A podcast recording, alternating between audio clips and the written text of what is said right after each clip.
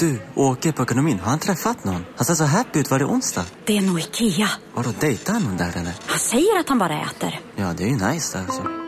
Missa inte att onsdagar är happy days på IKEA. Fram till 31 maj äter du som är eller blir IKEA Family-medlem alla varmrätter till halva priset. Välkommen till IKEA.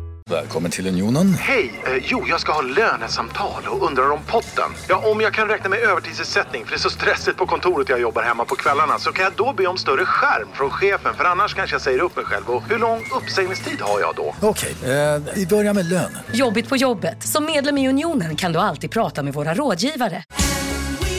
Just nu till alla hemmafixare som gillar julast låga priser. En slangvinda från Gardena på 20 meter för vattentäta 499 kronor. Inget kan stoppa dig nu.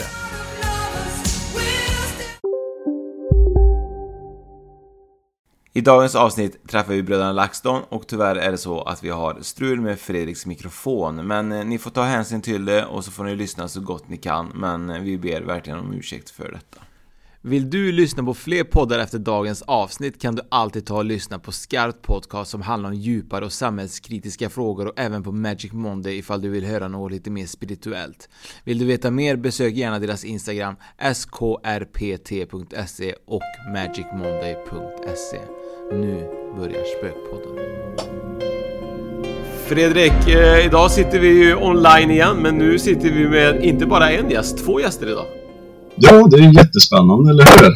Och sen så, vi var ju lite osäkra på dig häromdagen. Du låter ju lite rosslig, eller hur? Och du har ju varit iväg och kollat något, eller? Ja, jag har eh, varit iväg och kollat om jag hade Corona, men det hade jag inte. Jag var eh, negativ och det är väl eh, så positivt man, svar som man kan få. Det är positivt att vara så jävla negativ som du är. Nej men det känns jättebra. Jag har varit, jag tror det var kroppen som sa ifrån. Efter vi hade intervjuat Tanja där så så körde jag den här stress down-grejen och då bröt det hela helvetet ut och jag blev sjuk liksom. Ja. Så att, eh, det är väl inte så när man stressar ner.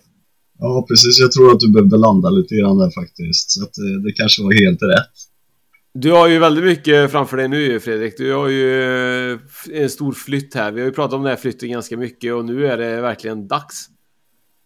Nu är det dags. Ja, nu sålde vi ju huset i Ja, det blev väl klart här för en dryg vecka sedan och vi ska vara ute ur gården här den 19 juli. Så vi har ju nio dagar på oss nu att rensa fem hus och flytta från en stor hästgård till en ja, något större lägenhet då. Så att det går från morgon till kväll. Jag beställde en Tigerbiks container här i förmiddags och det tog väl 20 minuter så var den halvfull här så vi får se hur det kommer gå. Ja, det är fullt upp för oss alla. Men vet du vilka som jag tror det är väldigt fullt upp för? Jag tror det är för våra gäster. De har ju gått från eh, ja, vanliga Svensson till att vara rikskändisar ju. Det måste ju vara full fart och, och inte bara att de blivit rikskända. De är ju även eh, jagade av spöken dygnet runt, vad jag har förstått. De har ju även ett museum ju. Ja, ja, de har många strängar på sin lyra och det ska bli superspännande och intressant att höra vad de har att berätta för oss. Och eh, vi har ju fått in massa bra frågor från våra lyssnare inför detta så att eh, vi, vi får grilla dem så gott vi kan här och så kanske de har några hemligheter att bjuda på, vem vet? jag tycker vi bjuder in, eh, jag vet inte om man säger bröderna LaxTon, men eh, jag säger det i alla fall. Eh, välkommen Niklas och eh, Tony då. Tackar, tackar. Tack, tack. Hur, eh, hur är det att vara... Kan ni berätta lite grann egentligen? Hur började eran... Eh, var det så att ni satt i samma sovrum och började se spöken som små eller vad, hur kom det fram till att ni var intresserade?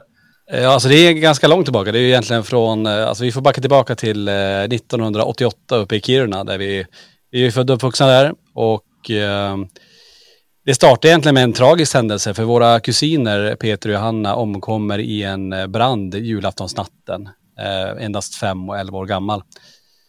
Um, och efter det här, den här väldigt tragiska händelsen självklart och framförallt för, för eh, våran morbror och hans dåvarande eh, fru då, så började det hända märkliga saker i vår lägenhet. Eh, alla upplevde det. Vi pratade inte jättemycket om det, men alla upplevde lite grann på, på varsitt håll. Och eh, sen när vi började prata med varandra om det så visade det sig att det hände väldigt, väldigt mycket. Framförallt med leksaker eh, i den här lägenheten. Så att jag var ju bara åtta och du Niklas var ju, ja, du är ju några år äldre än mig. Så Mm. vad, vad är du då? Då måste du vara en 13, 14 måste det ha varit då. Nej, precis. Jag tänkte säga 25 men då, då är jag tappig. Men, men, Jag, jag är fortfarande 25. Ja, okej, du är fortfarande där. Ja. Eh, så egentligen, det är en väldigt tragisk händelse som var starten till intresset. Eh, vi började uppleva saker i den här lägenheten. Ehm, och det var egentligen 2014 vi, vi satte oss ner och bara, men det finns ju typ det okända på tv, men det fanns ju inga direkt så här, svenska Ghost Hunters, eh, paranormala utredare. Och eh, då sa vi det, att men varför inte åka runt till några av Sveriges mest hemsökta hus och försöka dokumentera det folk säger de upplever.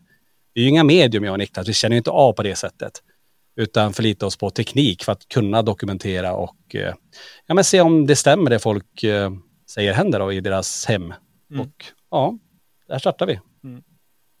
Vi- Var det någon gång så att ni kände typ shit, vet, vad har vi gett oss in på? Det här är, det här är ju läskigare än vad vi trodde liksom. Nej, alltså grejen är ju så här, det är som Tony säger, redan 88 när allting började hända så var det så alltså, stora grejer för någon person som inte är så gammal. Med leksaker som flyger omkring och man förstod inte riktigt det här. Men eh, våra mamma gjorde det väldigt bra genom att säga också det, det fina grejen med att det är bara Peter och Johanna. Och eh, de har fort, alltså de här mantrat Peter och Johanna, det följer fortfarande med oss också. Även om vi går in i ett om man säger världens mest hemsökta rum eller vad som helst så är det fortfarande det mantrat i huvudet på en. Som gör också att man kan stå där och inte känna rädsla på, vad ska man säga, så att man måste springa ut. Utan man är verkligen där, nu ska vi dokumentera, det är det det handlar om. Kan vi få det här på film, kan vi titta på det efteråt, kan vi lyssna på det efteråt. Kan vi förstå den här datan vi nu fångar in här, det, det är det viktigaste. Och just kan jag säga också, det, det som är så intressant med det, det vi håller på med, alltså vi egentligen jobbar vi med en av de största frågorna människan någonsin har ställt sig egentligen. Alltså vad händer den dag vi faktiskt dör? Finns det en andra sida? Eh, hur är det i så fall där? Och om man nu kommer dit, kan man komma tillbaka i någon form och kommunicera och vara eh, tillsammans där vi är här och nu då? Så att eh, det är ju en enormt spännande fråga. Jag tror att det kommer vi nog aldrig riktigt få svar på. Men vi är i alla fall och, och skrapa lite på ytan och få lite glimtar över hur det kanske är och eh, ta reda på, går det att komma tillbaka? Går det och, och eh, ja men som sagt, nära och kära anhöriga, kan de faktiskt kommunicera efter de har gått bort eh, med oss då? Så att det är ju en jättespännande fråga. Ja. Och där kommer jag över till en av eh, lyssnarfrågorna vi har haft. Det är ju det att vad, vad tror ni om detta egentligen? Och, och är ni, du sa här att ni inte är några medium, men har ni, eh, får ni en känsla av, när för ni har ju besökt så många ställen, så att får ni känsla på ställen att nej, men här är det hemsökt, eh, nu ska vi bara få det på film eller på ljud eller vad det nu är. Jag ska säga, någonting har ju hänt. Vi har hållit på med det här så himla många år. Och eh, vi, säger, vi är ju inte medium på det sättet, men det är precis som du säger, att det, det kommer ju också med lite erfarenhet när man har besökt många, många platser, att man, man känner en känsla att i det här rummet, det, det är nog här det kommer hända någonting. Och eh, oftast har vi faktiskt rätt. Men det kan ju ha att göra med just som du säger, att man, man lär sig eh, de här signalerna då. Men annars är det just det att vi förlitar oss väldigt mycket på just eh, teknik, att dokumentera det här, för det är ju vårt främsta. Vi, vi kan ju inte ta bort någonting. Alltså, vi åker inte till, till någon som eh, behöver hjälp och, och har någon som, men de säger att ja, men jag vill bli av med det här. Eh, nej, det kan inte vi, utan vi är där för att dokumentera det. Det är det vi gör. Ja, precis som Tony säger, det, det, dokumentationen är det viktigare för oss också. Det är genom att få den här datan för att gå igenom allting. Men vi kan ju också rekommendera om man vill ha bort det här till, till någonting annat. Eh, ett medium kanske eller vad som helst till ett lokalt medium. Men det viktigaste är ju även om folk behöver hjälp så vill vi också vara där och ge dem den logiska faktorn först. För det, Mm. Allt är inte övernaturligt, allt är inte paranormalt utan det finns mycket logiska som man måste också titta på. Eh, och kan man inte hitta den logiska där, då behöver vi titta på varför förändras värdet i det här rummet till exempel. Vad är det som gör det? Kan vi hitta den eh, grejen? Och eh, får vi det att börja hända så då försöker vi också definitivt försöka kommunicera med den här förändringen som sker i rummet. Jag har en fråga från eh, en av lyssnarna också som går i hand i hand med vad jag kommer ställa. Eh, har ni, kan man säga typ så här, ni, ni tror ju självklart på att det finns en andra sida. Eh, men hur gör ni när ni möter liksom skeptiker? Typ struntar ni och bara, eller kan ni argumentera med dem och säga nej men vi har bevis att det verkligen finns? Det är det som är så himla eh, skönt. Jag vet inte om det har med åldern att göra, att man känner ganska trygg i sig själv ändå. Och, och, för vi har aldrig haft någon ambition att övertyga någon. Och det är, om man har den ståndpunkten, så här, alla får tro på exakt vad de vill. Och det, det, det är rätt så skönt ändå. Men vi får ju mycket sådana frågor och jag tycker det är skitbra att man är skeptisk. Alltså det är så, vi är också, alltså vi är också skeptiska när vi kommer till hem. För allt är inte paranormalt när vi kommer hem till någon. Det är så många gånger när vi kommer hem till en familj som upplever ett stort obehag i källan till exempel. Vi går ner med våra EMF-mätare och kan direkt lokalisera, men det, vill säga, det här är ett proppskåp eller här har du eh, vattenledningar som genererar det här fältet som gör att man känner ett obehag. Och då bara, jaha, men då är det inte så läskigt att gå ner i källan. Alltså, allt är inte paranormalt och, och vi kollar ju drag, alltså vi har ju värmekameror och eh, det är inte ofta vi visar egentligen vad vi gör behind the scenes innan vi ens påbörjar utredningen. Eh, det kan vara en bra idé egentligen att göra. Då kanske avsnitten istället för en och en halv timme blir fyra timmar. Men, men det kan ju vara kul och uppskattande. Ja, men vi kör ju EMF-CPet, det ligger ju alltid ute för att visa de naturliga källorna och icke naturliga källorna som vi stöter på. Det är, det är en av grejerna. Och under de här, det, varför de fortfarande är med, för att när vi också gått runt så har vi fångat röster från andra sidan, till exempel EVPn, under de EMF-svepen och upplevt olika saker. Och det är väl därför de också ligger kvar lite grann. Och plus att man får den där rundturen av huset så man ser hur stort det är eller hur litet det är. Så EMF-CP ligger alltid kvar. Men det är som Tony säger, det är jättemycket annat runt omkring som man går igenom. Alltså. Mm. Men just det, om man hoppar tillbaka till frågan, just det här med de som är skeptiker. Det är jättebra och fortsätt gärna vara det. Och jag tror någonstans att det är nog först när man själv får verkligen uppleva någonting som man förstår egentligen vad det handlar om. Mm. Um, men uh, jag tycker det, det, det, ska vara balans i allt. Det är viktigt. Mm. Ja, absolut. Ja, men det, vi går över till den här frågelistan här. Det är en jättespännande fråga här. Vilket är ert värsta spökmöte om ni har haft ett sånt? Ja, det... Ska du börja? Nej, ja, precis. Vart, men, nej, men det, vi, vi, kommer fortfarande alltid säga vi har sagt det hela tiden och det är det som hände uppe i Borgvattnets vandrarhem helt enkelt. Det, det, det ligger kvar så etsat i mitt huvud genom att någonting springer mot mig i mörkret som gör att jag tror det är fysiskt en person som har gömt sig ska skada mig helt enkelt. Eh, och eh, det händer ingenting. Jag hör stegen, jag går upp i försvarsposition att nu springer någonting in mig. Men det kommer ingenting. Nej. Det gör ju också att jag backar bakåt och ramlar inåt och försöker tända min pannlampa. Men jag, eh, jag försöker processera det på plats och tro att det, det, är en person som har nyckeln till det här huset som har gömt sig i den här garderoben som ska ha ihjäl mig. Det var det jag trodde. Men eh, det kom, det kom ingenting och eh, det, det är fortfarande mitt starkaste möte hittills. Mm. Vi får vara glada för att, för att, för att inte, vi får vara glada för att inte kom någon och körde över dig där. Nej, precis. Och det är oftast det som är... Det, jag är inte, om man säger så här, rädd för att gå in i mörka rum och så här, men det är om det finns andra personer. Och det, när vi är på stora, stora ställen, typ ett sanatorium eller någonting, så är det jävligt svårt att säkerställa om det är någon som har tagit sig in.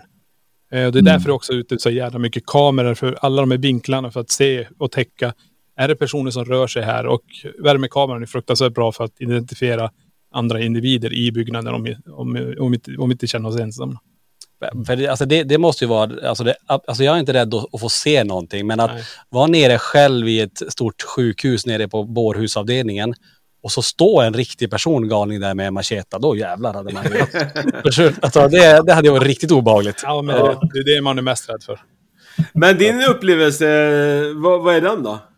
Eh, ja, men min måste nog ändå vara, jag får nog eh, säga ändå Riddersviks eh, herrgård i Stockholm, Hässelby. Eh, när vi sitter och eh, vi kör en session. Vi försöker komma i kontakt med det. För ägarna berättar så himla mycket kring det här. Att, att de blir berörda, de blir knuffade när de bäddar sängarna. Inget sånt här hade hänt. Det var verkligen så här, ja, men det var besvikelse kände vi att men ingenting hände. Uh, men ska vi inte, så börjar vi som, uh, ställa frågorna, men om det finns någonting, kan inte du, men gör någonting på mig, du får röra mig. Då känner jag bara hur det bränner till i nacken riktigt, riktigt kraftigt alltså. Jag har ju själv tatueringar på ryggen. Det var ungefär som att få en tatuering i nacken, som en ah. kniv som bara drar sakta. Och då Niklas hämtar ju huvudkameran och börjar filma det här. Och då ser man ju också hur det här strecket bara växer fram. Oh, um, det var en konstig uh, och fortfarande en, en jättestark händelse. Även fast det är nu, ja, det måste vara närmare än fem år sedan det här hände. Jäklar. Oj. Ja, men har du fått några fysiska skador eller är det bara du som oftast får de här eh, rivsår och så vidare? Ja, eh, ja, första gången vi var i Borgvattnets eh, pressgård så fick jag ju tre rimärken på ryggen. Men det, det fick jag nästan skylla mig själv. Jag var lite så här, nej nu räcker nu spelar nu är vi klara för idag. Nu ska vi gå och lägga oss. Och sen svider det till på ryggen som att du, du går och lägger dig när jag bestämmer. Det var ungefär så det var. eh, men det, det, det sved. Eh, inte lika hårt som du hade då, men eh, det, det, det, har varit fysiska saker och vi har lyckats dokumentera det som knuff i ryggen. Man ser jackan flytta sig. Vi har sett en tröjan på mig lyftas i också. Det är faktiskt i Borgvattnets pressgård. När jag står inne i ett rum ser man tröjan lyfts och så. Så det är de här små, små grejerna vi letar efter hela tiden. För att kunna dokumentera och sen analysera och komma fram till. Alltså vi hittar ingen logisk förklaring till det. Är det någon gång när ni känner att, eh, att ni verkligen eh, på något sätt eh, borde sluta utreda för att ni känner att ni, det här mörka kanske på något sätt stör sig över det ni gör liksom? Ja, men det, är, det är en bra fråga. Vi, vi får den ibland också där att varför vi håller på att jobba med de här bitarna. För det, men nu jobbar vi heltid med det här. Bara det är ju helt otroligt egentligen, men det, det gör vi ju. Um, och, men det är just det att, att hela tiden jobba med det här, det mörka, döden, för det är egentligen det vi gör. Så här, och, och ut och, och försöker dokumentera alla de här fenomenen. Men jag säger det, jag, man har, har nog aldrig känt sig så levande när man är i en byggnad eh, när någonting händer. Alltså det adrenalinpåslaget man får när du står själv och du för en viss kommunikation med det som finns där via vår utrustning till exempel, eller att någonting flyttar på sig. Alltså man är verkligen där och då i nuet och känner sig verkligen så här, men det här är ju det här man vill hålla på med. För det är så fruktansvärt spännande. Det är ju som att egentligen, vissa gånger är det som att vara med i en skräckfilm på riktigt alltså. Och det är ju den, ja, ni kan ju tänka er själva att, att vara i den miljön um, och få uppleva det de säger, att ägarna säger händer och det händer. Det är ju, ja, riktigt speciellt.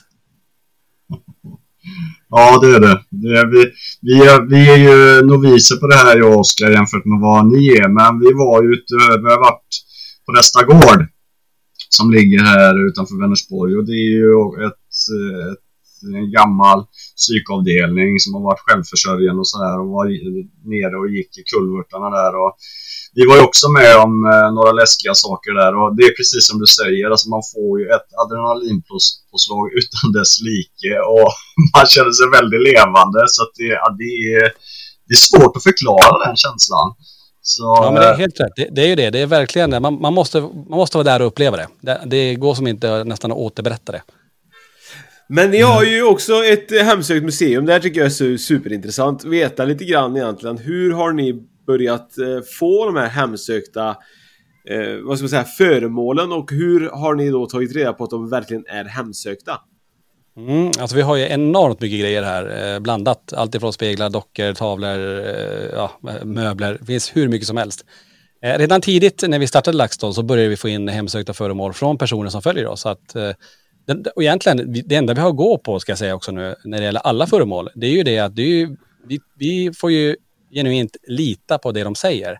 Att den här spegeln är så obehaglig att eh, jag kan inte ha den uppe. Jag, jag fick den i arv eller är från ett dödsbo. Jag köpte den på loppis, eh, typ ganska klassiskt. Så det kan ni tänka på om man är ute och handlar second hand på, på loppis. Så att det kan hänga med grejer i de här föremålen, enligt vissa då.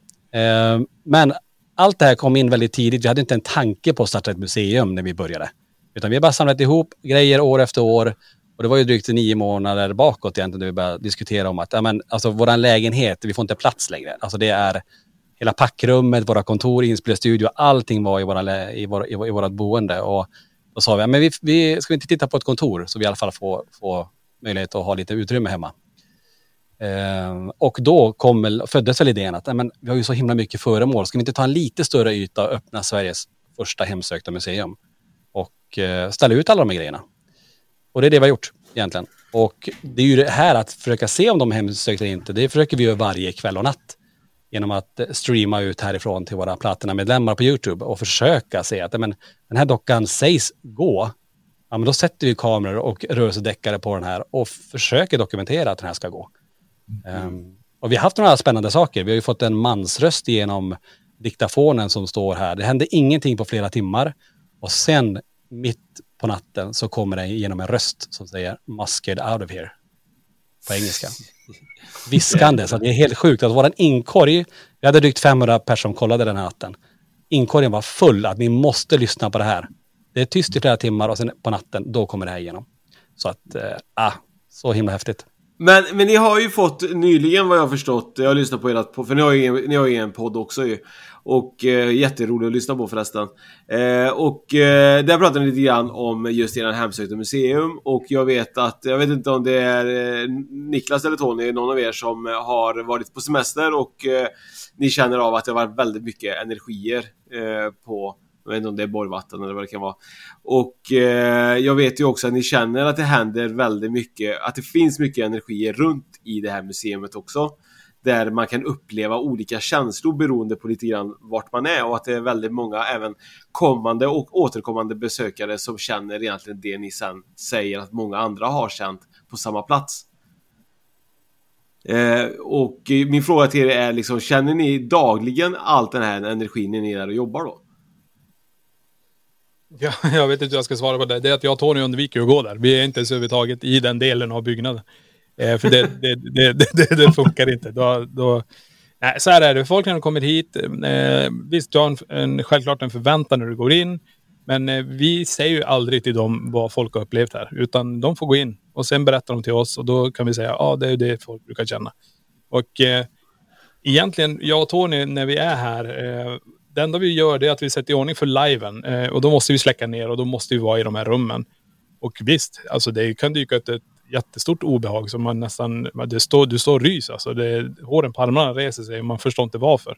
Så var det inte nyss när jag hade det släckt eller tänt och sen släcker jag så bara helt plötsligt så förändras alltihop.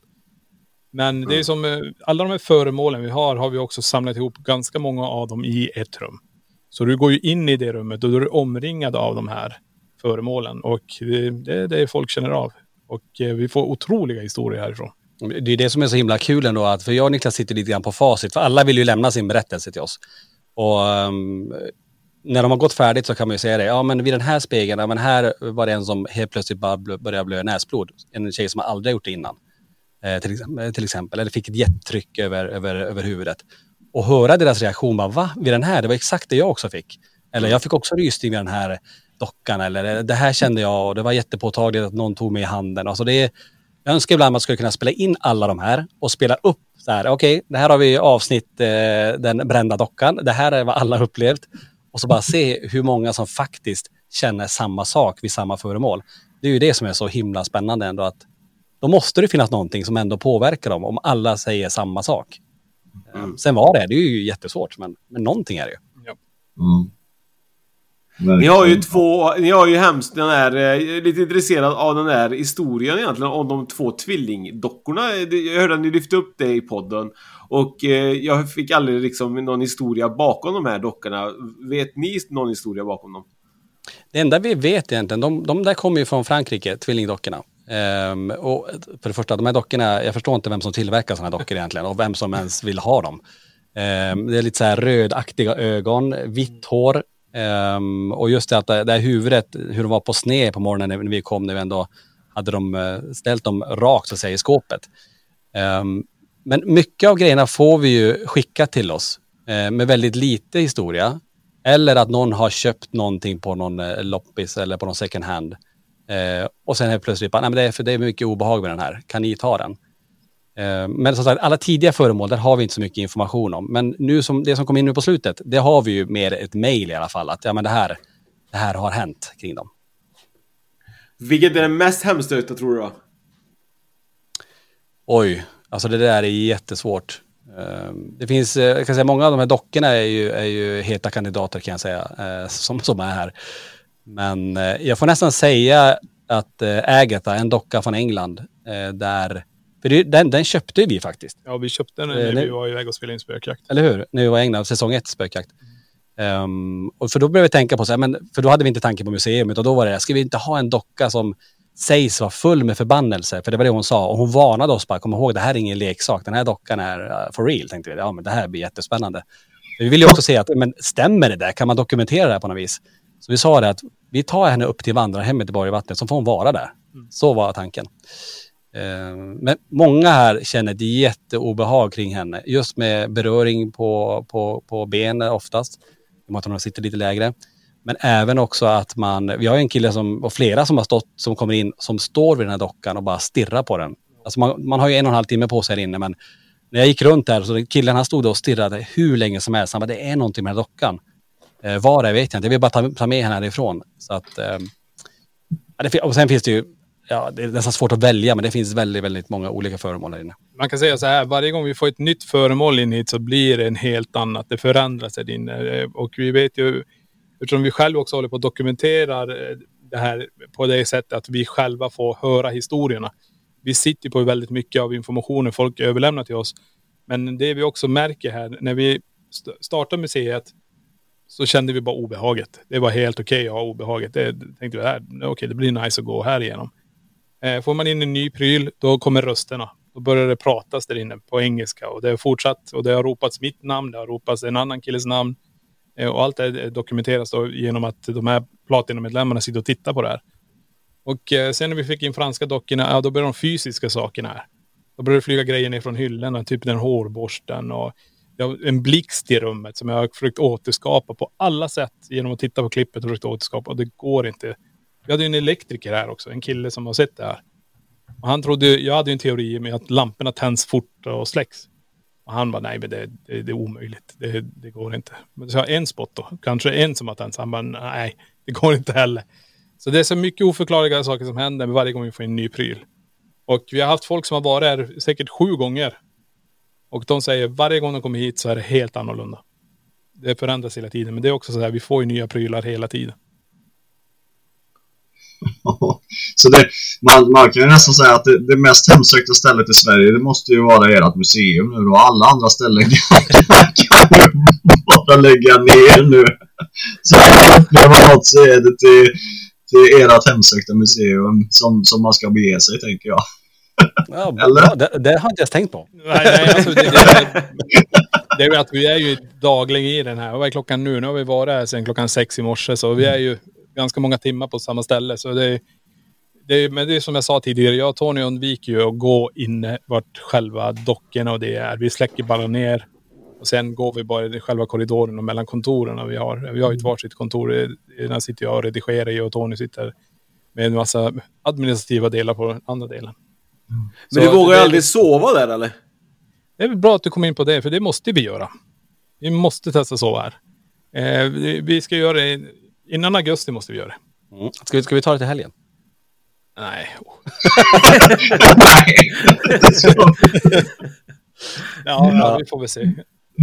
Söndag till måndag då. Ja, vi får se. I alla fall. Ja, precis. Nu har vi pratat massa känslor och, och, och intryck och sånt där. Men var kommer era teknikintresse ifrån? För att ni har ju skapat en del eh, verktyg och maskiner vad jag förstår och även byggt en app för eh, eh, röstinspelning. Men är det inte så? Mm. Alltså, jag egentligen är ju noll teknisk. Om jag ska vara helt ärlig. Eh, jag tror, Niklas, det är du som kan, kan mest kring de här delarna. Men, men någonstans är det ju också så här, i och med att vi inte är mediala så måste vi ju förlita oss på verktyg. Och så, för att kunna använda verktyg så måste vi veta hur de fungerar. Um, om vi börjar med eh, appen som vi har utvecklat, LaxTon-appen där, så är det ganska basic egentligen, för vi använder de funktionerna som finns i telefonen, alltså de komponenterna som finns i telefonen. Vi adderar inte till någonting. Det är ingen så här talsyntes eller grejer, utan vi använder eh, magnetometern, samma som när man använder kompassen, till att kunna mäta EMF, eh, alltså elektromagnetiska fält. Eh, vi använder ehm, ska säga, själva mikrofonen för att kunna spela in EVP, alltså röstfenomen. Eh, en väldigt boostad sådan som ja, men, suger in mycket i rummet. Den säger inga ord, men däremot så kan man ju fånga röster i, i de här EVP-sessionerna. Då. Och sen har vi motion egentligen som använder accelerometern i telefon. Alltså den funktionen som gör att man, när man tiltar telefonen så, så vänder sig bilden. Eh, den komponenten i telefonen använder vi för att mäta rörelser. Så om man lägger den på en stol som säger flytta på sig kan man lägga telefonen där och då registrerar den ifall den flyttar på sig. Så väldigt enkelt egentligen, men rätt så eh, med, den, eh, den, med, den, ska säga, med de komponenterna som finns vetenskapligt sätt att kunna försöka dokumentera just sådana här fenomen. Då. Eh, Sen är det andra saker. Vi har utvecklat PMB eh, tillsammans med en svensk ingenjör där vi använder ett ultraljud för att kunna mäta avstånd till, till egentligen en vägg till exempel. För att se om någonting passerar, då ändras ju utgångsvärdet. Vi får ett nytt ingångsvärde och då börjar den ju spela eh, istället. Och då, för att indikera då att det är något som är framför dem. Och sen kommer mycket från USA självklart. Eh, om man tittar, för det är där också vi hittar inspiration från andra grupper eh, från USA. Eh, så det mesta kan man säga kommer ju därifrån. Mm. Vi, har, vi har fått en del frågor kring just appen då, för att den är, den är väldigt lättillgänglig och det är ju superhäftigt. Men kan man lita på de här apparna? Vad Har ni någon erfarenhet av andra appar? Var det därför ni gjorde en? Eller för en del, eh, vi har ju fått till oss att, eh, för vi fick ju upp några ljud och sådär på klipp som vi har gjort och då säger nej ah, men det är inspelat och appen eh, slänger ut sig orden emellan för att det inte ska bli tråkigt och sådär. Vad, vad, vad, vad har ni för tankar och svar kring det? Mm, ja men det är ju så här, alltså vi, vi utvecklas ju och lär oss ju saker hela tiden också. Vi använde väldigt mycket appar i början kan jag säga för ett par år sedan. Eh, bara för att testa. För man vet ju inte, det här kanske eh, funkar. De kanske har knäckt koden hur det här fungerar. Eh, appar som slänger ut random ord till exempel. Eh, men, men, just då och där så, så, så tänkte man verkligen att det här känns, det här känns väldigt äkta. Eh, men i takt med att vi växer och fler och fler börjar följa oss så känner vi också att men, ska vi använda sånt här verktyg då måste vi också veta hur det fungerar. Så då kontaktar vi utvecklarna av de apparna vi använde i början. Eh, bara, men kan inte ni bara förklara, hur fungerar de? För att ska vi fortsätta använda dem så måste vi veta exakt hur de fungerar. Och få Hej, Synoptik här. Visste du att solens UV-strålar kan vara skadliga och åldra dina ögon i förtid? Kom in till oss så hjälper vi dig att hitta rätt solglasögon som skyddar dina ögon. Välkommen till Synoptik. Upptäck hyllade XPeng G9 och P7 hos Bilia. Våra produktspecialister hjälper dig att hitta rätt modell för just dig. Boka din provkörning på bilia.se xpeng redan idag. Välkommen till Bilia, din specialist på X-peng. Nej. Dåliga vibrationer är att gå utan byxor till jobbet. Bra vibrationer är när du inser att mobilen är i bröstfickan. Alla abonnemang för 20 kronor i månaden i fyra månader. Vimla! Mobiloperatören med bra vibrationer. Inget svar. Vår manager kontaktar dem, inget svar. Och då börjar vi känna, nej men nu är det något som är, det stämmer inte där. Så då har vi slutat använda dem. Ehm, och eh, precis som du säger så, så utvecklar vi vår egen app. Men kanske mer för att utrustningen vi använder är ganska dyr i och med att den, den kommer från USA. Eller eh, så har vi tillverkat det även själv. Men det, det springer iväg i kostnader.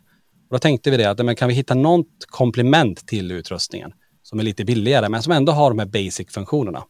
Så det är därför vi skapade, skapade våran app. Men våran har ju ingenting så att den slänger in några ord eller något sånt där. Det är inget, inget sånt, utan det är, det är verkligen den, den, det är grunddatan i telefonen och det som spelas in, det spelas in så att säga. Um, men eh, appar i sig, nej, vi använder vår egen app, that's it. Nej, precis. Och det som Tony säger, det mesta vi använder på vår app är det är också den här eh, accelerometern, alltså för att mäta förflyttningar genom att sätta det i två telefoner i en trapp eller tre stycken i en trapp. Eh, eller de säger att det här är stegen. Okej, men kan vi då också kolla med apparna ifall de registrerar? Och då testar man till exempel att man går ner för trappen och lägger ut telefonerna. Kommer, kommer de här eh, brädorna hoppa upp till exempel? Vi hör ett ljud och så kan vi också gå och titta, okej okay, det är den här brädan.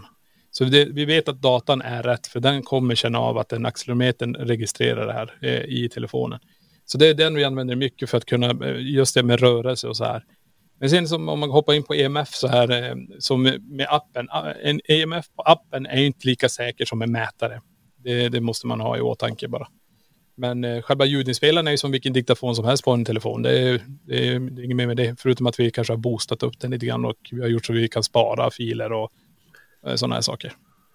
Jag har en fråga till er också som är så här. Eh, man brukar ju kolla väldigt mycket på YouTube när det gäller liksom så här, eh, de här spökbilderna som har tagits och eh, hit och dit. Vad tror ni mycket av dem? Tror ni att det flesta, det mesta man ser på YouTube som är, är fejkat eller tror ni att det finns väldigt mycket grejer som man får upp med en vanlig mobilkamera, då, till exempel bilder när man ser någonting i bakgrunden eller tror du att det oftast är liksom att det är så eller kan det vara väldigt mycket fejkat? Alltså vi, vi kör ju själv den här serien Spöken på bilder. Vi får in väldigt mycket bilder och analyserar och sitter och jobbar med de bitarna. Alltså lite grann är man, man kanske är lite naiv där. Jag är ganska godtrogen och tror att allting som, men det är klart när de skickar in att det här måste ju vara äkta. Men, men det förstår man ju att när man, är man lite tekniskt skillad så kan man ju fejka väldigt, väldigt mycket. Men det är också det, det är ju så himla tråkigt då, för då är, ju, då är det ju inte på riktigt. Alltså då kan man ju lika väl göra en skräckfilm eller göra något jäkla fotomontage eller det, det blir inte alls lika roligt tycker jag. Um, så. Men jag tror att det är väldigt mycket, framförallt med dagens eh, teknik och alla program som finns, att man kan fejka enormt mycket.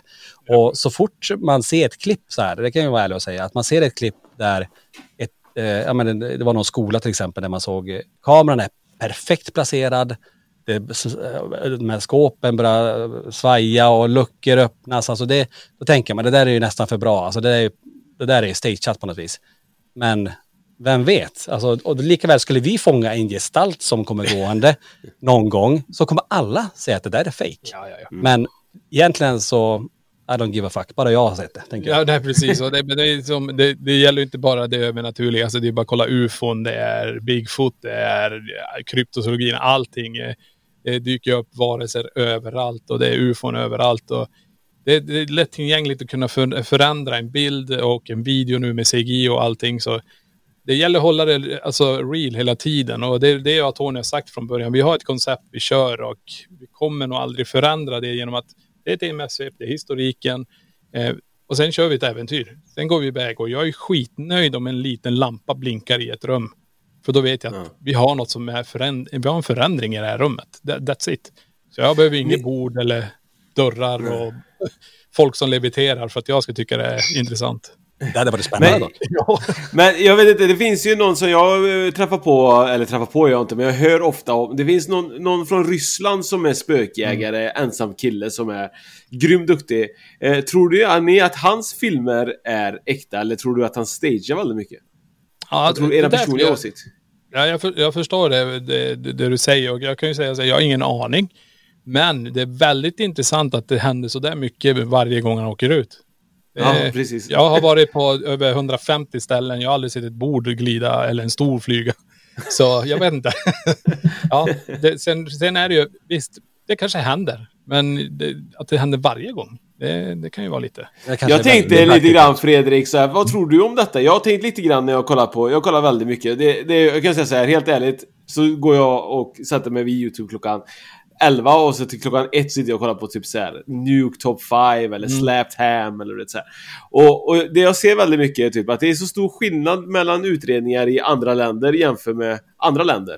Man kan se liksom att oftast de här arabiska länder så är det mycket om de här ginnen som dyker upp i tomma hus och så kan man kolla i något annat så är det något annat. Tror ni att det för vissa känns mer aggressiva än våra svenska spöken? Är det att vi är landet lagom så att även våra spöken är för goda liksom? Ja, det, det, ja, eller så är det bara att det ska bli en jädra bra, bra film helt enkelt. Det, det är väl det kanske det man ska utgå ifrån. Nej, för tanken är ju som vi också när vi kör, det är ju att vi går in eh, och vi försöker alltid, jag och Tony, det, vi är inte mer än tre stycken. Vi har hjälp av en kille nu. Eh, och vi försöker hålla nere eh, folkantalet hela tiden för att säkerställa att vi verkligen är ensamma. Och eh, det har ju varit jag och Tony ett bra tag själva som har haft typ ett slott för oss själva. Och så hör vi någon som kanske går på övervåningen. Okej, vi har någonting här som händer. Vi måste gå upp och undersöka det här. Det, har det någonting med själva golvet att göra? Är det, har temperaturen gått ner nu så bräden börjar hoppa? Det är så mycket annat vi måste titta på också. Eh, men det är som du säger där också. Jag tror det är mycket. För det är bara att titta tillbaka det här med USA. Med hur det har varit där med alla tv-shower. Det är alltså, det, först och främst så var det lite grann på ett utslag på någon mätare. Nu helt plötsligt så är det demoner överallt. Så jag tror det handlar lite grann om hur, hur mycket folk man vill ha, hur mycket, vad ska man säga mer, eh, action, om man ska nu säga det. Jag menar, eh, först var det så här, jag låser in mig själv 12 timmar, nu är de uppe snart och låser in sig själva en vecka i ett hus. Så jag vet inte, det, det, det är lite så. Det, det var där, jag och Tony, vi har vårt koncept och vi kör på fortfarande med det. Och det enda vi försöker utveckla oss också med det, det är ju att jag och Tony gör ju allting med redigering, med foto. Eh, till och med i början så gjorde vi musiken själv. Så vi har ju lärt oss alltihop själv. Det har ju aldrig gått någon utbildning eller någonting. Och det, det har varit det största målet också, att bli bättre. Eh, både bildmässigt och vinklar och kameror och allt möjligt. Så det är den största utmaningen för oss just nu. Konceptet är ju detsamma, detsamma fast kanske lite snyggare filmat. Mm.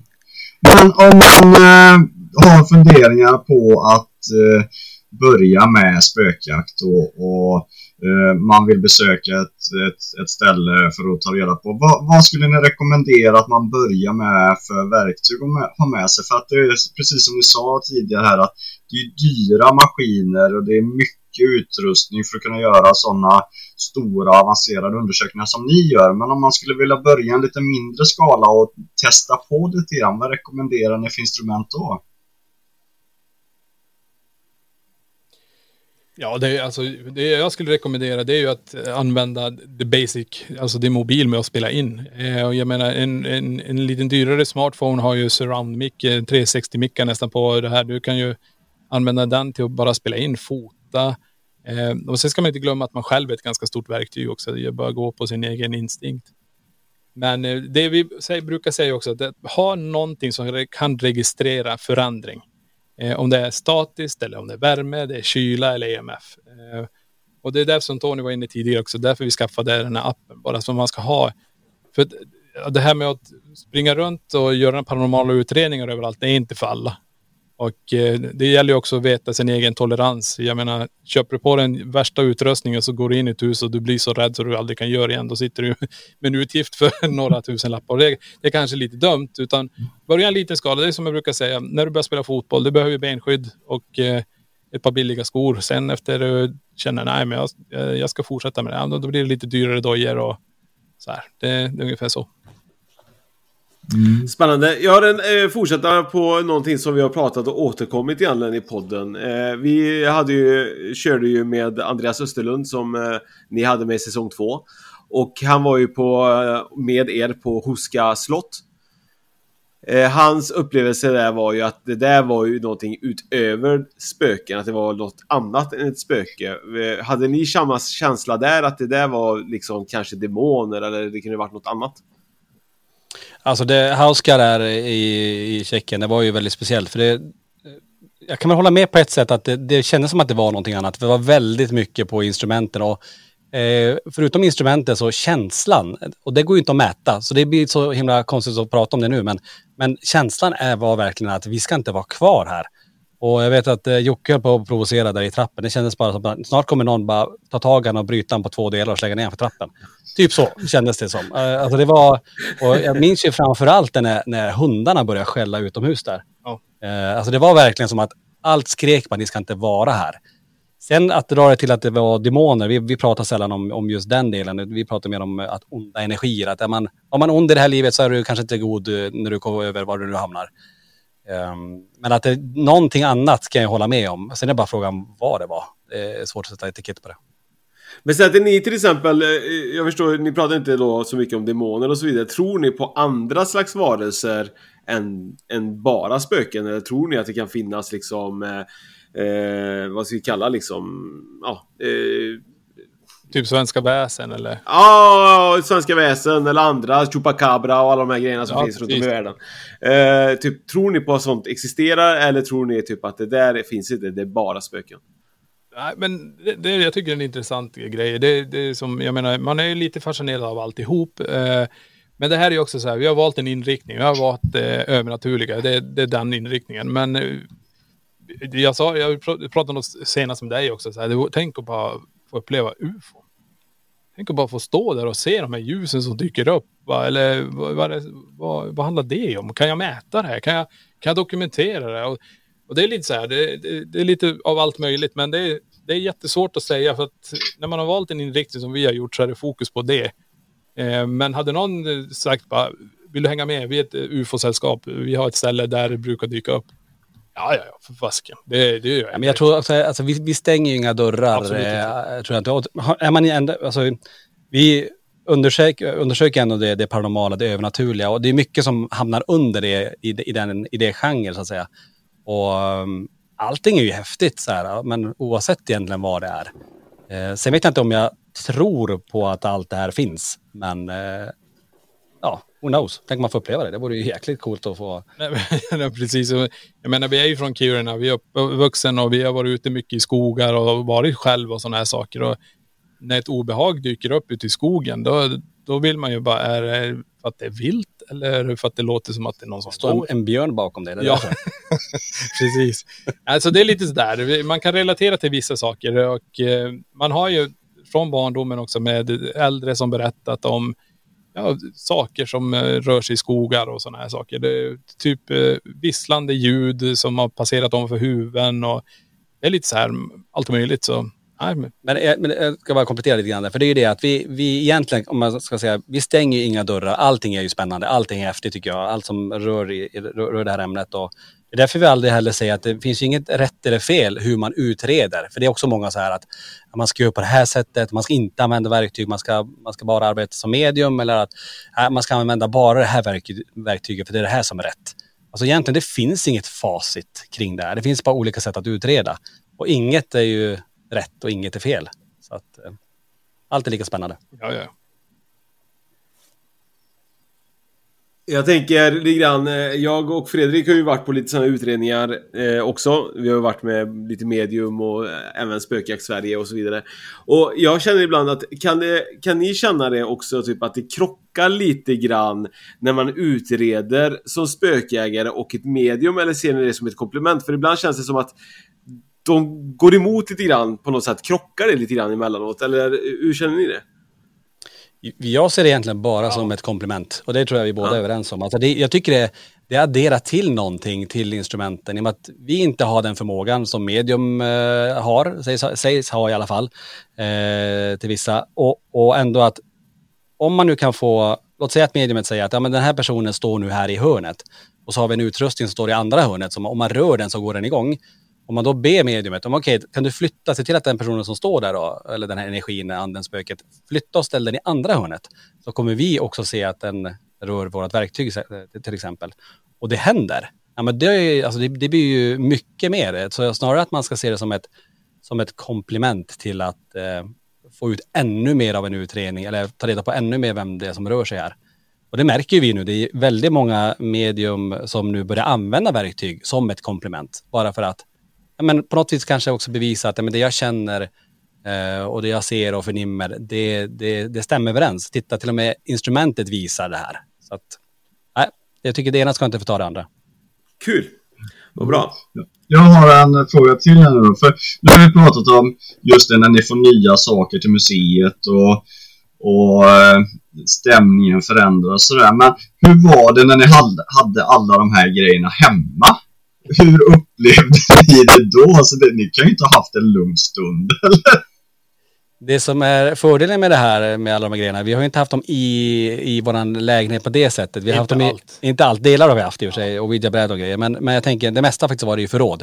Och sen när det var för mycket grejer, då hyrde vi förråd. Så att eh, tack och lov har vi inte haft dem med i köket och suttit Ja, och nej, för jag tänkte det. Hade ni det kille hemma liksom? Det hade ju varit nej, tack helt vansinnigt, tänker jag. Jag, jag, Fredrik, jag tänker lite grann så här, tror du inte att Niklas och Tony har en, eh, en, en hemlighet som de egentligen har tillsammans? Där de har sagt till, om jag går bort så ska jag bevisa för dig att andra sidan existerar genom att jag kommer göra så här. Har ni någonsin pratat om att om det händer? Vad ni då skulle egentligen göra? För att Faktiskt inte. Eh, eh, det, det, det, var, det var en bra grej faktiskt. Men däremot ska jag säga så här. Vi, våran, eh, våran mamma gick bort 2018 eh, i cancer. Hon var ju bara 62. Eh, väldigt ung så sett. Men hon pratade mycket med våran syster, Tina, uppe i, upp, uppe i Kiruna. Och de hade en deal faktiskt. Att, eh, då sa min syster till, till våran mamma då att när du väl är där du är, jag har satt upp en liten sån här plinga i sovrummet. Så när du är där så vill jag att du kommer och plingar i den här.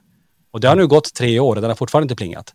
Sen vet man ju inte, hon kanske plingar hela dagarna när syrran är på jobbet, jag har ingen aning. Men, men, men ändå, det har inte hänt. Men det där är ju, eh, jag tror det där kommer nog komma naturligt. Skulle det där hända så, eh, du skulle inte fått en lugn stund här. Jag kommer hemsöka det tills, tills du dör.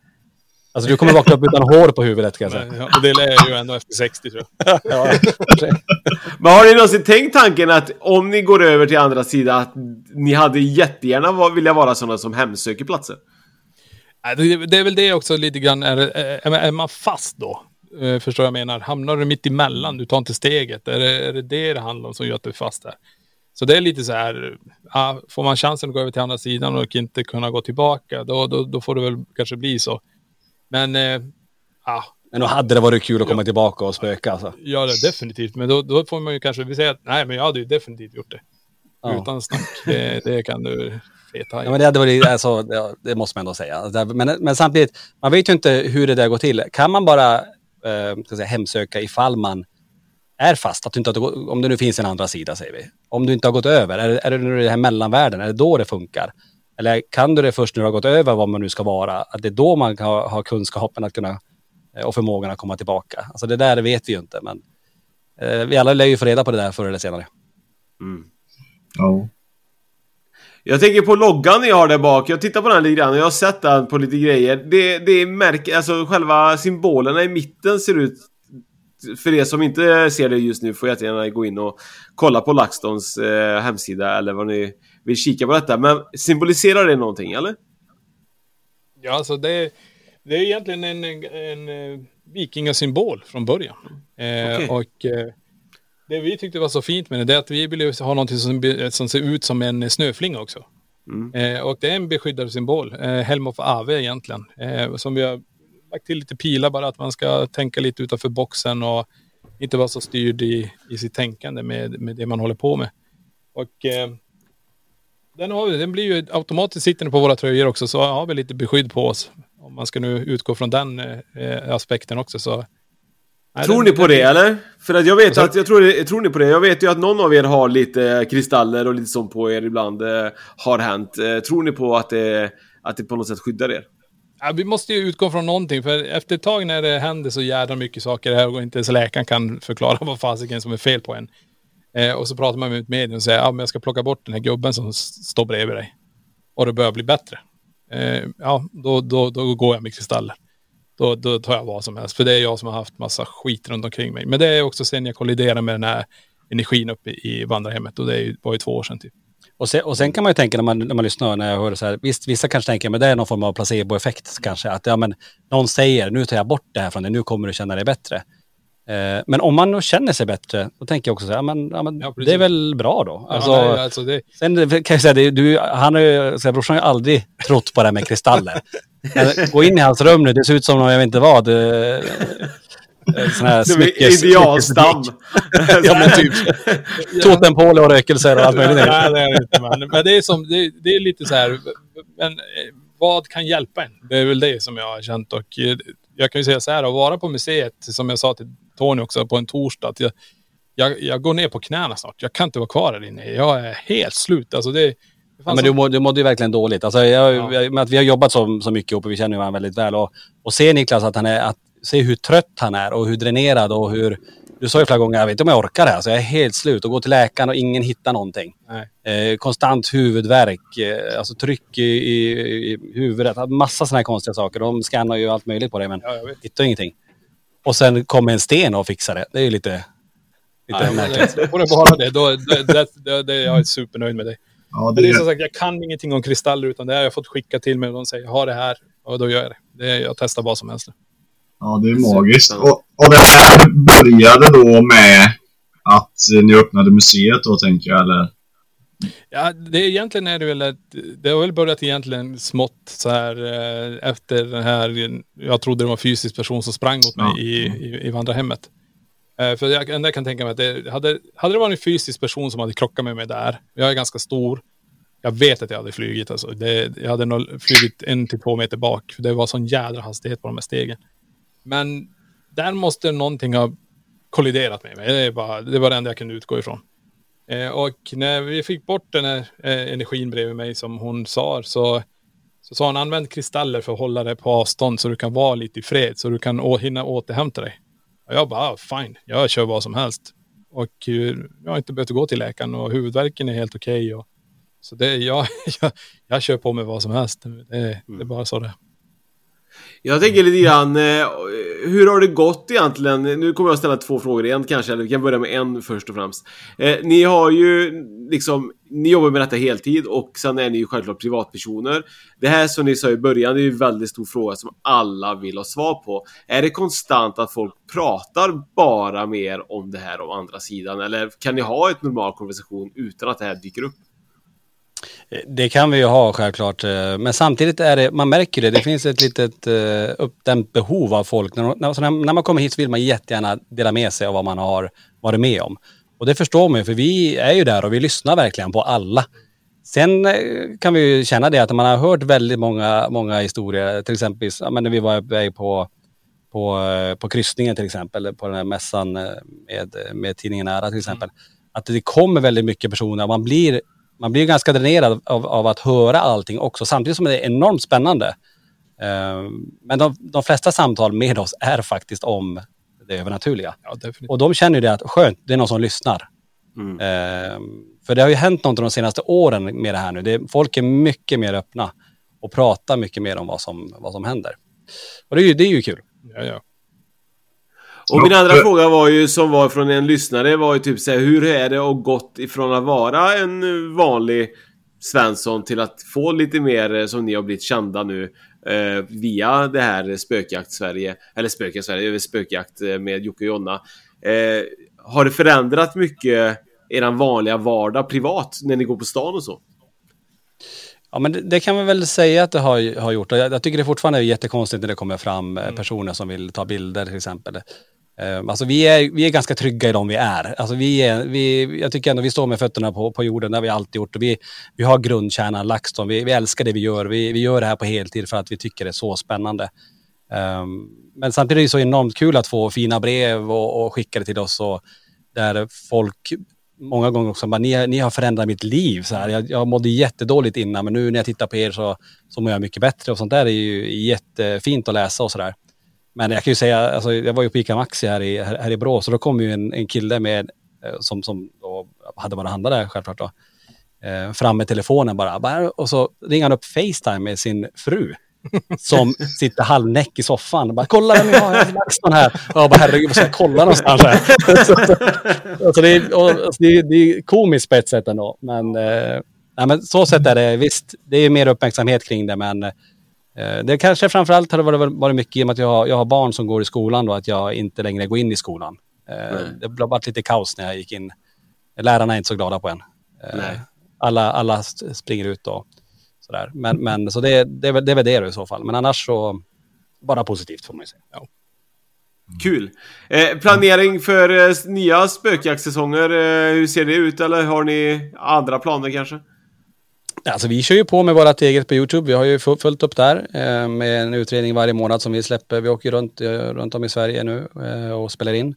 Sen eh, så är det ju självklart att säsong fyra kommer ju spelas in. Eh, kommer ju en sån beställning från, från Discovery också. Så det ska ju ske under hösten någon gång. Får vi se vad vi tar vägen då. Eh, vi har ju, eh, vi var ju med som jag berättade innan lite grann på den här tidningen Nära kryssningen. Eh, vi var faktiskt inte medbjudna sist. Jag vet inte vad, vad, vad som hände lite grann där. Men, Nej, men de bjöd in oss istället. Det var ju det som var det var, grejen. det var ni som tog platsen där. Ja, men- Jäklar. Men, men hur som, eh, vi är inte ledsna för det, för vi, vi skapar en egen båt. Så vi hyr upp en, en hel kryssning själv som går av stapeln 1 oktober. Då. Så att det blir en spökjaktscruisebåt med, med, med spökjakt. Så det, det är jättemycket spännande projekt som händer. händer Men vänta lite nu, den här spökjakt-cruisebåten då? Är det en hemsökt båt eller? Nej, nej, utan det är att vi, vi tar med hela... eh, Alla som är, som är med i spökjaktserien är med på den här båten. Eh, inklusive Andreas som ni har haft med ti- tidigare också. Ehm, så att eh, då kommer vi köra stor seans, det kommer vara föreläsningar, man kommer få testa den utrustning som vi har där. Ehm, det kommer vara meet and greet med alla som är med i spökjakt, det kommer vara mässområden och sen kommer det vara en jäkla fest också vad jag förstår. Så att det blir lite blandat. Fy fan vilken jävla fest. Alla står med sin EMF-mätare och dansar så här. Fattar det, det här kan ni inte missa hörni. Eh, en annan fråga innan vi, vi får avrunda här snart. Men eh, vi, vi blev ju kontaktad av eh, Trädgården i Göteborg och eh, vi gjorde ett samarbete med dem för att ni skulle göra en utredning där ju. Eh, och, eh, och jag ville bara veta lite grann, eh, var det lyckat eller hur var det? Ja, alltså, för det första, det var ju superspännande just trädgården. Alltså, det enda man, jag har ju varit där och bara kollat på uh, Vinnie Vish och lite party, andra såna artister och sådär.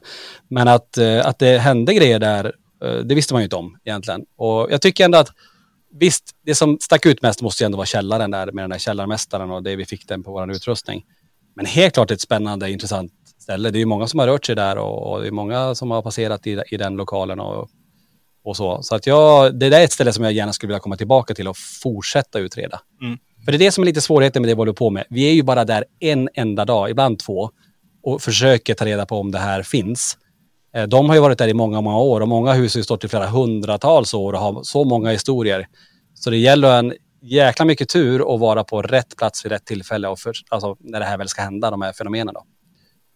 Så att, eh, ja, Mm. jävla tur. Ja, precis. Så det kanske får bli nästa app ni plockar fram. Det är en sån här kalender med rätt tid och rätt plats. Så att man faktiskt kan åka och besöka de här olika ställena. Ja, det är ju perfekt. Kan inte du utveckla en sån? Jag köper den direkt. Ja, Absolut. Innan vi avrundar Fredrik så är det så att eh, vi har ju seans online som eh, man kan gå in och boka eh, seanser med eh, online eh, av olika medium. Och eh, nu är väl några kommande framöver så man får gå in och kika på seanonline.se för att kika om det är någonting som passar en om man vill ha en online seans med något av våra medium. Och eh, vi har ju även happycamp.com som vi ska ut och köra i slutet av augusti. Vad innebär det Fredrik? Jo, det innebär att man eh, kopplar loss sig från eh, verkligheten för en stund. Man eh, får en position och så tar man sig till den här positionen mitt ute i naturen. Eh, utan närhet till kiosk, det är ingen wifi, det är det enklaste enklaste med ändå fantastiska produkter. Så att det, det handlar alltså om en lyxig camping där du kan eh, komma ut i naturen och jorda dig och eh, släppa den gråa vardagen om man har en sådan. Ja, det har ju inte LaxTon någon. De har ju full fart hela tiden så att eh, de vill nog inte hänga i någon skog som inte spökar. Eh, jag tycker så här att det har varit superkul för nu har det varit så att eh, vi har ju haft med Andreas Österlund från säsong 2. Vi har haft med Serafia och gjort lite egna grejer med henne också på Youtube och så vidare. Så vi har ju på något sätt har vi hela tiden liksom haft någonting gemensamt med bröderna LaxTon. Men vi har aldrig lyckats få med dem i podden och nu är jag överlycklig att de äntligen har fått vara med. Ja. Kul att få vara med. Ja, definitivt. Ja men ni är ju på något sätt, folk är ju så himla nyfikna på det ni gör så jag tror att för våra lyssnare så har det varit jättekul att få, få ta del av, eh, av er också. Ja, men coolt. Tack ska ni ha. Ja. Ja. Grymt! Då avslutar vi där. De lät ju så glada precis i slutet. Innan var de ju... Nu blev de helt plötsligt riktiga norr, norrbor, hör du det? Nej, men det... Vi avslutar där, ja. Tack ska ni ha. Okej. ja, vi avslutar och avrundar. Tack så hemskt mycket. Grymt. Tack, tack. En nyhet. Nu kan du teckna livförsäkring hos Trygg-Hansa. Den ger dina nära ersättning som kan användas på det sätt som hjälper bäst. En försäkring för dig och till de som älskar dig. Läs mer och teckna på trygghansa.se. Trygg Hansa. Trygghet för livet. Hej, Susanne Axel här. När du gör som jag och listar dig på en av Krys vårdcentraler får du en fast läkarkontakt som kan din sjukdomshistoria. Du får träffa erfarna specialister, tillgång till lättakuten och så kan du chatta med vårdpersonalen. Så gör ditt viktigaste val idag, lista dig hos Kry. Dagens vinnarprognos från Postkodlotteriet. Postnummer 65209, klart till halvklart och chans till vinst. 41101, avtagande dimma med vinstmöjlighet i sikte. Övriga 10 500 postnummer, soligt och möjlighet att vinna. Oavsett när sommaren kommer till dig så kan du och dina grannar få dela på 48 miljoner i sommaryran. Ta chansen nu i maj på Postkodlotteriet.se. Åldersgräns 18 år. Kontakta stödlinjen om du eller någon anhörig spelar för mycket.